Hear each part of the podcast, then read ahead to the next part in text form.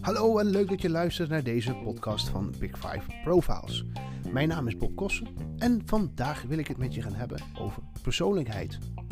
Bij veel bedrijven worden persoonlijkheidstesten uitgevoerd. Met deze testen willen de bedrijven graag inzicht krijgen in de mensen die ze in hun bedrijf hebben rondlopen. In het ergste geval worden de resultaten zelfs gebruikt om mensen te beoordelen of over ze te oordelen. Laat ik je heel duidelijk over zijn. Dit is helemaal niet mogelijk.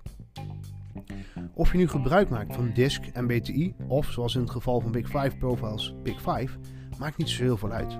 Al deze vragenlijsten zijn ontworpen als analysemiddel om inzicht te krijgen in iemand.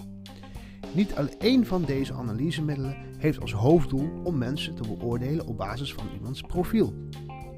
De vragenlijsten achter deze tools zijn ontworpen om inzicht te geven in iemands manier van communiceren en de gedragvoorkeuren van deze persoon. Door dit inzichtelijk te maken leert de persoon in kwestie zichzelf kennen. Ook kan hierbij gekeken worden naar de manier waarop een team samen functioneert. Met andere woorden, welke manier van communicatie en welke voorkeur van gedrag heeft een team. Dit inzicht kan vervolgens gebruikt worden om verschillen te vinden tussen de voorkeur van een team en de wensen die een bedrijf aan een team heeft. Door de wrijvingsgebieden inzichtelijk te maken, komen de risico's naar voren. Wanneer een team zich bijvoorbeeld structureel anders moet gedragen dan dat zij van nature zou willen, zal daar op den duur stress ontstaan.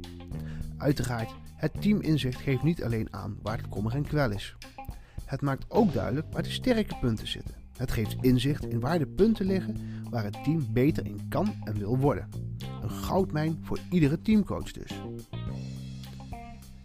Wil jij ook meer informatie of zelf met de persoonlijkheidsscans van Big Five Profiles aan de gang? Ga dan naar big5profiles.com. Bedankt voor het luisteren en tot de volgende keer.